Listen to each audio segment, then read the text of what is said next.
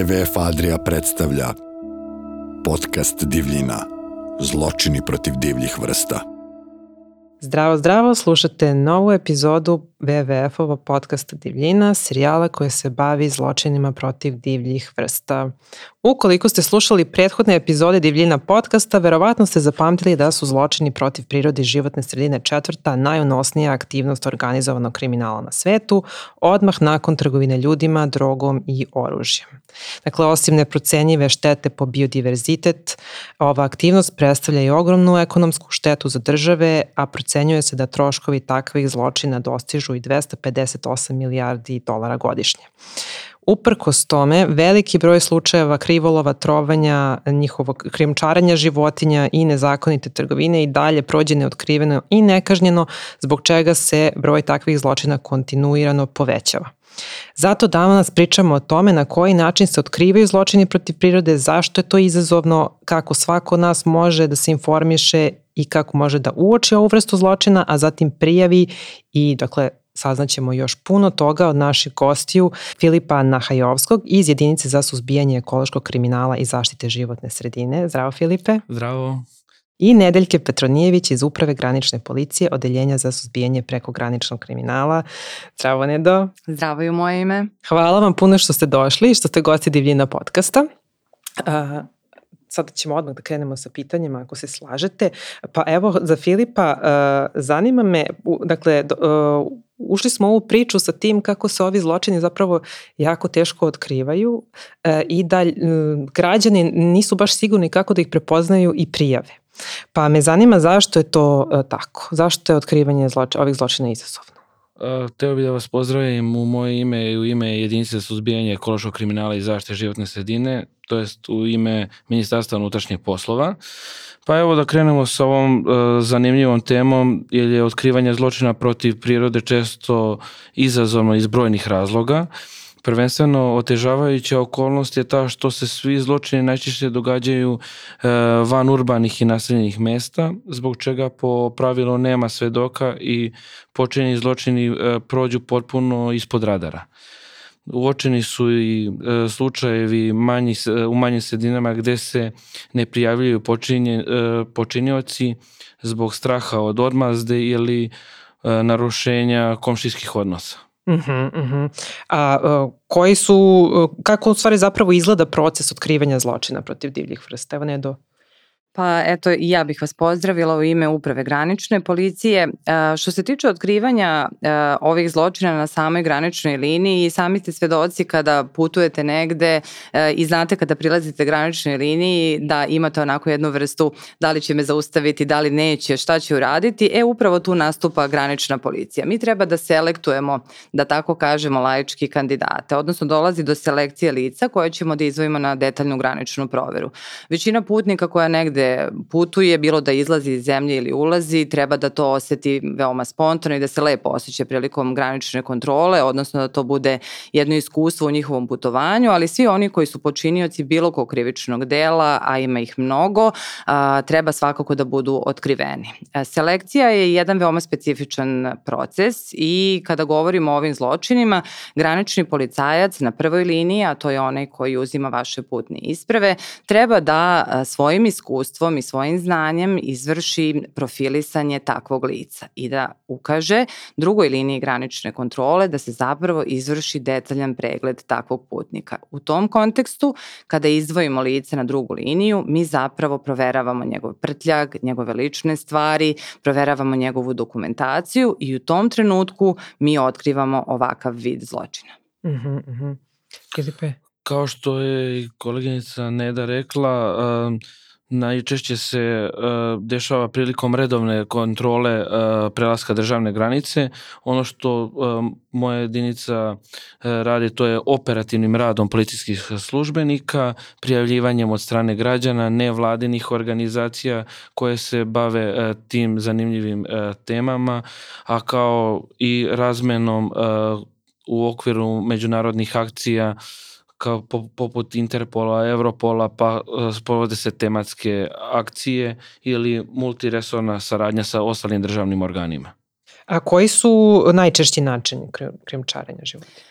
Veoma često ono što je svakako naša praksa pokazala i naše iskustvo, e, krijumčari to kriju među ličnim stvarima, najčešće je to prtljažni deo, znači u gepeku, pokriveno stvarima, može biti iza sedišta suvozača, iza sedišta vozača. Imali smo jedan veoma interesantan slučaj e, Sokola, Vetruške, koji je recimo bio e, ispod sedišta suvozača u umotanu magičnu krpu, potkošulju belu, uvezan belim kanapom, potpuno fiksiran da ne može da mrda, tako da načini krijumčarenja, pre svega u ovom slučaju, znači napominjem da sada govorimo o živim životinjama, mada to mogu biti kada su u pitanju divlje vrste i njihovi delovi derivati, ali ukoliko uzmemo da su svakako da kažemo, najinteresantnije uh, žive životinje, jer ipak je reč o živim bićima koji u tom trenutku pokušavate i da spasite njihove živote. Uh, najčešće je to znači među stvarima ili sakriveno uh,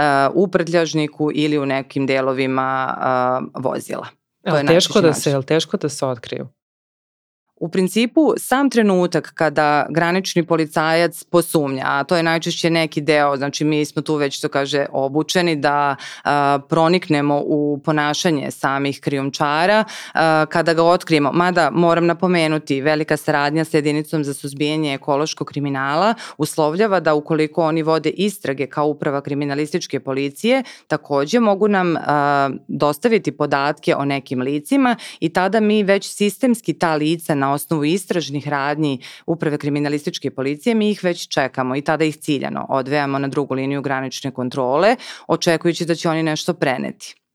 Međutim, ukoliko je reč o našem, da kažem, samostalnom otkrivanju, svako otkrivanje je jedan specifičan proces. Ne možemo reći da je lak, jer krijumčari živih vrsta, divljih vrsta, pokušavaju da nađu nove moduse i da nam tu situaciju otežaju. Recimo, kada su u pitanju ptice, oni će se truditi da ih fiksiraju, da im kljunove lepe samolepljivim trakama, da ih stavljaju u flaše i da ih pokrivaju stvarima čine da situacija deluje potpuno bezazleno, ali opet to su tajne našeg zanata i mi se trudimo da ovaj vid kriminaliteta zaista stavimo u prioritet kao i sve ono što ste nabrali na početku podcasta. Filipe? Pa kao što je koleginica i rekla, krijumčarenje uh, se uvek dešava na, na granici, gde su granični policajci ti prvi ovaj, koji su tu da otkriju, a jedinica za suzbijanje ekološkog kriminala je ta koja će da procesuira ovaj, ta krivična dela. Ono što se nama pokazalo da, da oni to uh, krijumčare u kutijama, kavezima, plastičnim flašama, džakovima, zavisi od uh, vrste uh, ovaj šta uh, krijumčare, a zatim to prikrivaju u tovarnom prostoru ili prave uh, namenske bunkere gde uh, stavljaju predmete ovaj, koje krijumčare. Mm -hmm. Tako da mi tu ovaj se oslanjamo na graničnu policiju jer su oni ti koji vrše pregled uh, vozila na graničnom prelazu. A kako izgleda proces sakupljanja dokaza? Granična policija, kao što sam malo čas mm -hmm. napomenula, se bavi samo otkrivanjem i naša nadležnost jeste otkrivanje. Ukoliko je reč o prikupljanju dokaza i njihovog prikazivanja tužilaštvu, to je u nadležnosti jedinice i mi vrlo tesno sarađujemo i moram da napomenem da tu nisu samo granična policija i jedinica. Tu je mnogo, da kažem, u ovom smislu za javnost nevidljivih entiteta i jako važnih institucija koje moramo napomenuti. Tu su i carina zajedno na uprava carina na graničnom prelazu, ali mi imamo i druge uključene sisteme, institucije, Ministarstvo za zaštitu životne sredine, CITES grupu, takođe tu je i Ministarstvo poljoprivrede, veterinarska inspekcija, takođe fitosanitarna inspekcija, tako da je tu znači, više od pet institucija uključeno u rešavanje ovakve problematike, a granična policija je ta koja će zajedno sa carinom da otkrije. Kasnije, znači samo prikupljanje dokaze i njihovo prezentovanje tužilaštvu kao takođe važnoj instituciji koja neminovno je uključena u, u čitavu proceduru, je u nadležnosti jedinice.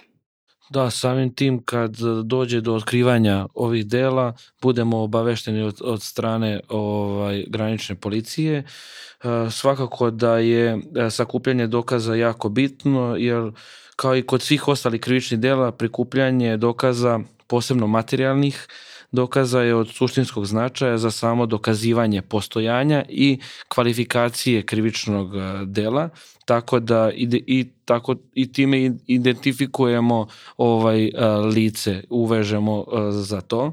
Stoga i kod ovih krivičnih dela kriminalistička forenzika jako bitna koja izlazi prva ovaj na lice mesta da bi fiksirala sve hemijske, fizičke, biološke ovaj dokaze kako bi mi obavestili uh, tužioca uh, jer je svaka istraga u, opra, u okviru uprave kriminalističke policije tužilačka istraga i e, mi njima predstavimo e, verodostojne e, podatke na terenu gde bi mogli da kvalifikujemo delo. Uh mhm. -huh. A sa kojim problemima se najčešće susrećete? Pa moram da napomenem, e, jedna specifičnost čitavog rada sa živim e, vrstama jeste činjenica da se vi trudite da one ostanu žive. Oni su veoma često u, u lošim uslovima, mada krijumčari su upoznati uglavnom sa uslovima njihovog hranjenja i pojenja, jer im je ideja krijumčarenja svakako da ih prodaju negde gde su krenuli da ih krijumčare i samim tim oni budu opremljeni uglavnom i sa hranom, vodom, minimalnim uslovima za davanje vazduha, tako da te životinje uglavnom budu pod stresom. Uh, jedan svakako od izazova jeste činjenica da ih ostavite u, u, u životu pre nego što ih nadležna institucija preuzme i izbrine. Ja bih tako napomenula jednu veoma interesantnu situaciju od prošle godine na graničnom prelazu Gradina, gde recimo u nekom trenutku su nas pozvali sa graničnog prelaza i obavestili da imamo uh, u 35 goluždravih ptića u vozilu. Kontaktirali smo smo grupu CITES koja nam je rekla da apsolutno moramo da održimo temperaturu od 37, 35 do 37 stepeni za ostatak tih ptića u životu. I to je ta jedna briga, jedan sistem gde sada vi više niste granični policajac, već preuzimate brigu do dolaz, dolaska nadležnih daljih organa da ti ptići ostanu živi. Ornitolog nas u tom trenutku obaveštava da je to visoka temperatura. Vi znate da je zona komfora za ljudski organizam organizam između 22 i 24 stepena, a vi u tom trenutku toj ptici morate da omogućite 35 do 37. Tada graničar pali auto, pokušava da, da, da održi temperaturu. Ornitolog nas obaveštava da ti ptići moraju da se hrane u vremenskoj uh, distanci koja je veoma kratka, zato što su veoma mali, da moraju da im se ubaci neko crevo u kljun, da se simulira hranjenje majke. Vi u tom trenutku, pored činjenice da ste policijski službenik, brinete o životima 35 ptica. Znači, osedljivost je zapravo da sve te jedinke koje su već pod stresom ostanu žive i da budu adekvatno zbrinute, jer suština je da im omogućite svakako i, i dalje život. Tako da je izazov kod živih životinja veoma specifičan, jedna briga za, za uopšte da kažem jedno živo biće. A kako uopšte su oni mogli da budu prokrijumčareni? Dakle, određeni broj ptića bi sigurno... A, veoma često, a, ukoliko uspeju da ih prokrijumčare, mada znači mi se bavimo suzbijanjem krijumčarenja, na taj način mi zaustavljamo tu vrstu kriminalne delatnosti, ali veoma često pretpostavljamo da i jedinke uginu, što od stresa. Ono što svakako na našim obukama koje imamo zajedno sa institucijama koje sam nabrojala, upoznati smo dosta, moramo biti, da kažemo, u jednom širokom opsegu upoznati sa svime onima sa čim se susrećemo, a to je svakako i činjenica da te jedinke prilikom pretrpljenog stresa, znači ukoliko su to ptice koje se stavljaju u kaveze, pokrivaju, pokrivaju odećom, ukoliko im se lepe kljunovi i ostavlja minimum prostora za disanje, da će one svakako mogu uginuti i od stresa, ne samo od nedostatka hrane. Kao što sam napomenula, veoma često krijumčari znaju šta im je potrebno za taj opstanak u životu i oni se trude da taj prelazak preko granice bude ukoliko je po njih moguće što kraći, a mi se svakako trudimo da to pronađemo i da spasimo divlje vrste sve. Filipe, da li biste dodali nešto? Pa dodao bi samo da e, predstavlja nam problem kadrovsko materijalni tehnički kapacitet kao i nizak nivo svesti o ovim e, zločinima. Tako da e, radi se na obukama kako e, pripadnika ministarstva unutrašnjih poslova gde spadamo mi kao jedinica i e, uprava granične policije, tako i ministarstvo zaštite životne sredine, uprava carine, uprava za veterinu, tako da međuresorno sarađujemo i dođemo da te jedinke koje budu prokrijumčarene i uh, počinioci tih dela budu na, procesuirani, a životinje pretrpe što manji stres. Mm -hmm. Budu smeštene E, da li u zoološki vrt ili u neki prihvatni centar dok ne budu u dobrom uh, fizičkom stanju, da, da, da li će se ostaviti u zoološkom vrtu ili će biti puštene u prirodu. Uh mhm. -huh. A uh, već smo nekoliko puta ovde čuli da dakle, nedostaje svest kada su u pitanju ove teme, pa me zanima ko zapravo prijavljuje ovu vrstu zločina? Pa kada kažemo nedostaje svest, to je širok pojam. U smislu državnih odluka možemo reći da je državna, država jasno pokazala intenciju da se suprotstavi ovom vidu kriminaliteta kada je u pitanju ministarstvo iz kog mi dolazimo, a to je formiranjem jedinice za suzbijanje ekološkog kriminala. Pokuša, pokazana je zapravo jasna namera ministarstva da se suzbije ovaj vid kriminaliteta. Što se tiče uprave iz koje ja dolazim, uprava već dugi niz godina među svoje prioritete ubraja svakako suzbijanje ovog vida kriminaliteta.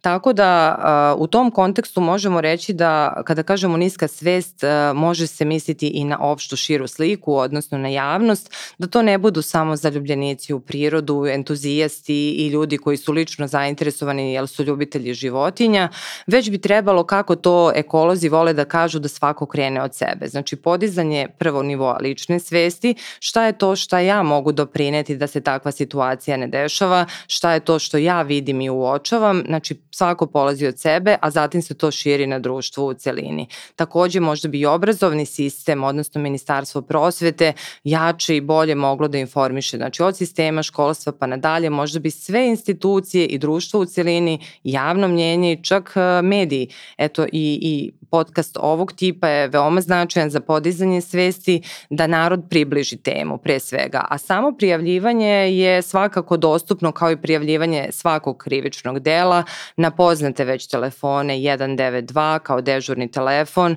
zatim tu su info.mup.gov.rs kao poznate uh, adrese, takođe uprava granične policije ima svoj uh, dežurni uh, internet, uh, svoju dežurnu internet adresu gde se može prijaviti, dežurni telefon, svi su dostupni već danas i na društvenim mrežama kao i na našem sajtu www.mup.gov.rs gde imate svakako mogućnost kontaktiranja i prijavljivanja, tako da je prijavljivanje građana poželjno za nas ukoliko neko ima informacije, ona neće ostati negde u vazduhu, nego svaka koja je naravno kvalitetna i za koju će operativci uh, ustanoviti da ima smisla, će biti svakako dalje uh, i neće ostati da kažem abolirana, već će se po njoj i raditi.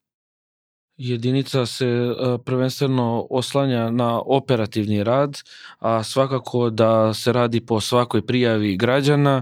Do sada se to pokazalo da ima e, savesnih građana i entuzijasta koji e, ta dela prijavljuju, a sve više ima nevladinih organizacija koje su aktivne u ovoj oblasti, tako da one, one su nam, da kažemo, ti prvi e, informatori e, da bi mi mogli da kasnije krenemo u istragu. Uh -huh, uh -huh. A da li imate neki zanimljiv ili neobičan ili težak slučaj koji biste izvojili ovom prilikom za naše slušalce da im malo bolje približimo temu, ali moram da kažem da uh, Instagram stranica Carina Srbije jako dobro radi svoj posao u, u yes. tom smislu edukovanja i osvešćivanja šire javnosti tome kako funkcioniš uopšte krijumčarenje raznoraznih stvari. Jeste, ali u tom kontekstu svakako da, da mi smo, da tako kažem, zajedno radimo sa, sa upravom carina i svakako da je njihova pristupačnost i dostupnost društvenom mrežom nešto što jeste dobro za naše građanstvo i u tom smislu svakako i, i pohvale za kolegijalnu instituciju. Što se tiče Ministarstva unutrašnjih poslova, zbog samog načina funkcionisanja rada, velikog broja operativnih podataka, mi nismo mogućnosti da to na takav način prezentujemo, ali obzirom da je reč o delima koja su uglavnom, da kažem, otkrivene na istom mestu, sve ono što možete videti na njihovom sajtu, vidite da je to deo i zajedničkog rada, tako da u tom kontekstu mi imamo brojne, da kažem, slučajeve koji su interesantni za javnost, za nas uh, u tom kontekstu napominjem uh, veoma izazovni u najmanju ruku, kao što sam napomenula zbog same činjenice da, da se trudite da jedinke ostanu u životu uh,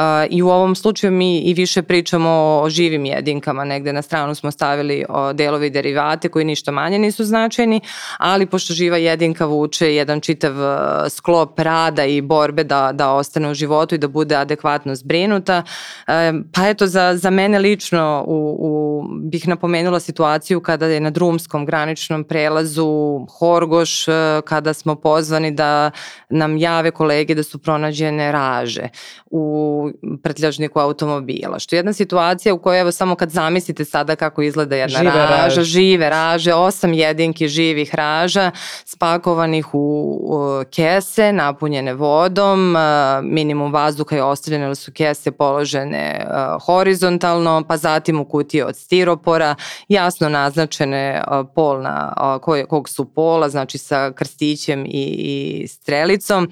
Znači u pitanju su bile muški i ženske jedinke raže. Znači čovek koji je pokušao u svom prtljažniku da prokrijumčari raže, to je onako, ja kažem, jedan od za mene interesantnih slučajeva, mada takođe i krijumčarenje preko graničnog prelaza Gradina, izuzetan broj ptica, preko 105 ptica je pronađeno takođe u prtljažniku iza suvozačevog i vozačevog sedišta pokriveno ličnim stvarima, među kojima je bilo i preko 50 papagaja, preko 30 golubova, pataka, kokošaka, to je sve bilo kod tog bugarskog državljanina u kolima, među kojima su bile i četiri jedinke rozele, veoma lepog šarenog papagaja, a, poreklom iz Australije, znači sam mislim rod, odnosno ovaj, vrsta ovog papagaja, ali u tom trenutku uglavnom se krijumčari vade da oni nisu znali da su to zaštićene vrste, oni daju izjave da su preko Facebooka došli do, do lica od kog su kupili, tako da uglavnom se, da kažem, pravdaju neznanjem, što mm -hmm. svakako za njih nije olakšavajuća okolnost.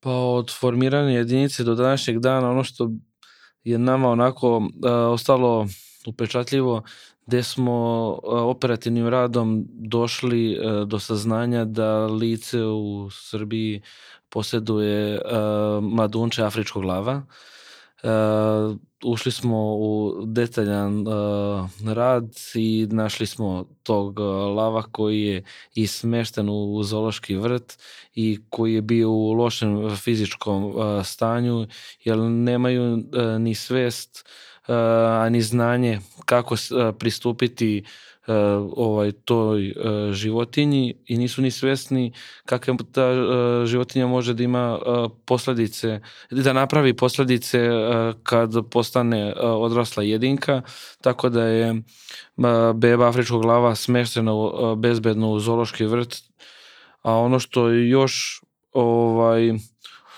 smo se susreli, da kažemo, to je bilo isto na Gradini, gde je uh, strani državljanin uh, hteo da prokrijumčari 250 uh, kornjača koje su bile smeštene u, ovaj, u, u džakove i tako da eto uh, su i te ovaj kornjače ovaj uh, izbavljene i puštene ovaj u prirodu. Ali eto dolazimo i tu ovaj kažemo do nekih problema uh, kako pustiti te kornjače, uh, ne treba ih pustiti ni na jedno uh, na jedno mesto i onda kontaktiramo ministarstvo zaštite životne sredine da ne bi narušili ovaj disbalans u, u prirodi.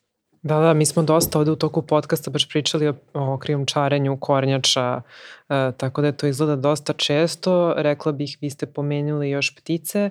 E, koji jo, koje još životinje se e, često krijumče? Što se tiče e, sa krijumčarenja i situacije na, na graničnim prelazima, u Srbiji se e, najčešće dešavaju slučajevi krijumčarenja ptica i gmizavaca. A, ređe sisara, ponekad e, divlje biljke, a što se tiče, znači eto, kao što ste i sami, sami napomenuli, znači pored kornjača, tu su i reptili, gušteri, tako da to su najčešće situacije kada je u pitanju krijumčarenje. Dakle, da kažemo jedinke koje se najčešće prodaju kao ljubimci ili tako nešto. Pa uglavnom, uh, to mogu biti situacije, znači oni mogu biti deo kolekcionarskog, da kažem, deo, kolekcionarstva, mogu biti ptice pevačice, veoma, da kažem, zaštićena vrsta, a veoma poželjna u domovima kolekcionare Štiglić. A, tako da naša izuzetno cenjena i vredna pevačica jeste predmet e, krijumčarenja i trudimo se zaista da zaštitimo našeg češljugara, tako da u tom kontekstu a, može biti, eto, uglavnom su to kućni ljubimci, da ne isključujemo i recimo u nekim zemljama a, pojedine divlje vrste mogu biti delikates, a, uključeni smo u a, sistemsko suzbijanje krijumčarenja nekih vrsta vrsta koje, za koje dobijamo i podatke od, e, iz inostranstva, odnosno uh, od Interpola, Evropola, preko naše uprave za međunarodnu operativnu policijsku saradnju. Uključeni smo i, i u brojne akcije koje uključuju veliki broj evropskih zemalja, pa tako recimo imamo i pojedine divlje vrste kao što je staklena jegulja, za koju eto naša javnost ne znam da li je čula, ali svakako mogu izguglati i videti kako specifično izgleda ta vrsta ribice, gotovo providna kao staklo, a delikates je u azijskim zemljama i a, sistemski se čitava Evropa bori protiv njenog izlovljavanja obzirom da je veoma ugrožena i Srbija je svakako takođe deo a, te aktivnosti i uprava granične policije zajedno sa jedinicom za suzbijanje ekološkog kriminala su takođe godinama timski uključeni i u tu borbu.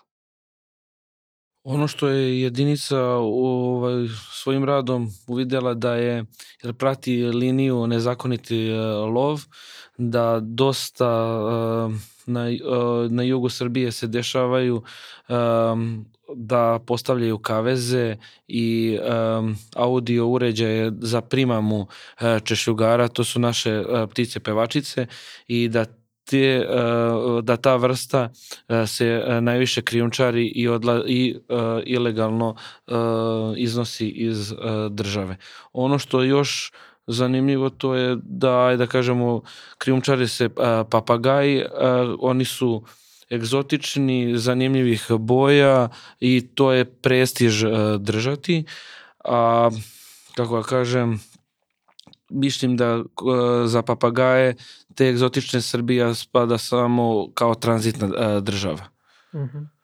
Da, da, da, dosta životinja, to smo i saznali u prethodnim epizodama, dakle prolazi samo kroz, um, dosta životinja prolazi kroz našu državu, beža se tu zadržava. Ovo što ste rekli ide u Aziju, Zavisi, zavisi opet e, znači od same namene. Ukoliko je cilj kolekcionarstvo ili ukoliko je cilj da ta ptica, ukoliko sada eto govorimo o pticama jer je najčešći slučaj, ukoliko je težnja kupca, odnosno krijumčara da, ga, da je prokrijumčari zarad nekog ko će držati u kavezu, svakako da je njegova težnja da ta ptica bude prokrijumčarena zdrava. Naša težnja je da svakako svaka živa jedinka, svaki derivat, znači na aerodromu tamo smo imali e, zaplanu kože leoparda koji je crnogorski državljanin pokušao da prokrijumčari iz jedne afričke zemlje. Tako da i derivati, predmeti od slonovače e, su takođe veoma interesantni. E, uprava carina svakako pretragom deklaracija teži da pronađe takođe načine krijumčarenja nekih delova ili derivata. Vi znate da su nosorozi izlovljeni, gotovo izlovljeni zbog činjenice da keratinski rog služi kao u azijskim zemljama kao afrodizijak. Pojedine medicine koriste brojne divlje vrste u, u svojim kao sastojke svojih lekova. Suštinski malo toga je zapravo i činjenično tačno, ali dešava se zaista da se te vrste nađu na, na ivici svog opstanka i mi se trudimo da pronađemo sve relevantne podatke kako u svetu, tako u Evropi Evropi i u našoj zemlji da zaštitimo Srbiju, ekosistem, biodiverzitet i da zaista sa svim ostalim institucijama koje su brojne pokušamo da sprečimo ovaj vid kriminaliteta, ali nam je neophodna javnost, neophodno je društvo koje e, kupovinom takvih proizvoda, znači satova koji imaju kožu krokodila, cipele od zmijske kože, bunde od zaštićenih e, vrsta, bunde od risa, znači svih vrsta koje su u možda da kažem nekom kao modni detalj takođe predstavljaju krijumčarenje koje je pre svega od interesa za upravu carina, ali napominjem ovde uopšte ni ne govorimo koja institucija je sada bitnija uprava carina, uprava granične policije, ministarstvo u celini. Mi se trudimo zajedno sa svim nadležnim institucijama na terenu da se sve to suzbije, ali narod mora da podigne svoju svest da a, i takve proizvode ne kupuje, da a, eto ukoliko se trude da drže ptice u kavezima takođe da se informišu, da budu a, info, danas već imamo izuzetnu dostupnost na svim sajtovima, imamo a, takav dijapazon društvenih mreža, informatičke da kažem dostupnosti podataka o vrstama pre nego što nešto kupe, pre nego što nešto ili ukoliko vide nešto da im je sumnjivo, nek pogledaju u, u prvi mah, makar na internetu, da li je u pitanju nešto što je zapravo i nedozvoljeno. Da, to je malo problematično. Imamo i sad tu velike brendove i korporacije koje zapravo koriste te nedozvoljene e, materijale, da kažemo, u, u proizvodnji, ali da, nadamo se da će se svest dići i da će takve radnje biti zabranjene. Trudimo se. E, da, e, pričamo dakle ovde dosta o e, saradnji između institucije, NGO sektora i građana na kraju krajeva, a gde vi vidite prostor za poboljšanje te saradnje? Ono što je svakako neminovno i što eto i u toku samog razgovora smo nekoliko puta napomenuli to je da smo kada je u pitanju ova problematika nužno upućeni jedni na druge e, i zaista i sarađujemo. Svakako evo i sama činjenica da smo ovde danas sa vama u, u ovom podcastu takođe imamo izuzetnu saradnju i sa WWF-om, uključeni smo u brojne projekte, pokazujemo a, jasnu nameru da jesmo zainteresovani za suzbijanje ovog vida kriminaliteta i da je državi u interesu da oču, očuva svoj e, ekosistem, ekološku svest i ekološki zdravu a, zemlju, jer je to svakako jedan širi opšti društveni interes, ne samo u kontekstu, da kažem, reklame ili ovog podcasta. To je nešto što je svakako naša budućnost, deo održivog razvoja Srbije, Evrope, čitavog sveta, bez čega svakako u svetlu današnjih, da kažem, svih događaja koji potresaju društvo i sistem sistem u celini, ovaj deo je svakako karika koja je neminovna, koja ne može biti preskočena, jer priroda je nešto što ne pita za to šta će uh, uraditi uh, ili delovati čovek u nekom ekonomskom smislu, priroda je nešto što je ne, neodvojivi deo nas i u tom kontekstu svakako će sve institucije naše zemlje truditi da, da zajednički delujemo. Prostor za saradnju i napređenje uvek postoji svih institucija u svakom smislu mi ćemo se truditi da, da uvek idemo u korak sa svetom i a, u tom kontekstu napominjem da svaka nova i buduća saradnja svakako će biti dobrodošla ukoliko je u pravom smeru. Ja bih teo da pohvalim uh, saradnju sa svim uh, nadležnim državnim organima i nevladinim organizacijama, a svakako da ima prostora da se unapredi saradnja. Ono što uh, kao predstavnik jedinice i svih mojih zaposlenih na terenu, to je da brže zbrinjavanje, susreću se sa problemima na terenu gde treba da ostale institucije u bržem zbrinjavanju pronađenih divljih vrsta. A ono što još bih hteo da kažem da uh, ljudi, to jest građani su naše o, o, oči i uši ovaj, na terenu, tako da slobodno mogu da nam se obrate i da mi vapimo za informacijama da bi procesuirali ta krivična dela. Evo, možemo za kraj u stvari da se obratimo slušalcima koji će preposledam biti naj, najviše neka generalna javnost građani, ali tako, šta je pro, potrebno, um, dakle, da oni lakše i efikasnije otkriju i prepoznaju zločine i već smo rekli gde mogu da ih prijeve, ali eto, kako mogu da se informišu, gde mogu da se informišu i kako mogu da vam se obrate. Pa pre svega ono što bih ja eto apelovala na sve građane, a to je da eto kao što je Filip rekao budu naše oči i uši, budu i svoje oči i uši jer svi smo deo jedinstvenog sistema, svi smo neodvojivi deo prirode i pripadamo je. U tom kontekstu bih eto apelovala na sve građane da se informišu i sami, da čitaju, slušaju. Svakako da je samostalna informisanost i edukacija osnov za sve, ne samo za ovaj vid e, krivičnih dela, nego za sve što se oko nas dešava. Svakako je jedna od ideja u suzbijanju ovih vidova kriminaliteta i činjenica da moramo biti upućeni jedni na druge, a to je svakako težnja za jednom društvenom stabilnošću, za mirom, pored činjenice kako nešto možete prijaviti, sve ono što vam, da tako kažem, u duši, odnosno u samom sebi. Ima jedna sjajna izreka koja kaže vredniji je gram intuicije nego kilogram znanja. Ukoliko intuitivno vidite da nešto nije u redu, ukoliko vidite, ako smo sada eto, na temi uh, divljih vrsta, ukoliko vam se učini, znači negde smo možda malo zanemarili i biljke, ali i u tom kontekstu, ukoliko vidite da, se, da, da nešto sa biljkama nije u redu, životinjama koje vas okružuju, ukoliko vam vaša intuicija na nešto ukazuje, budite slobodni da se obratite institucijama.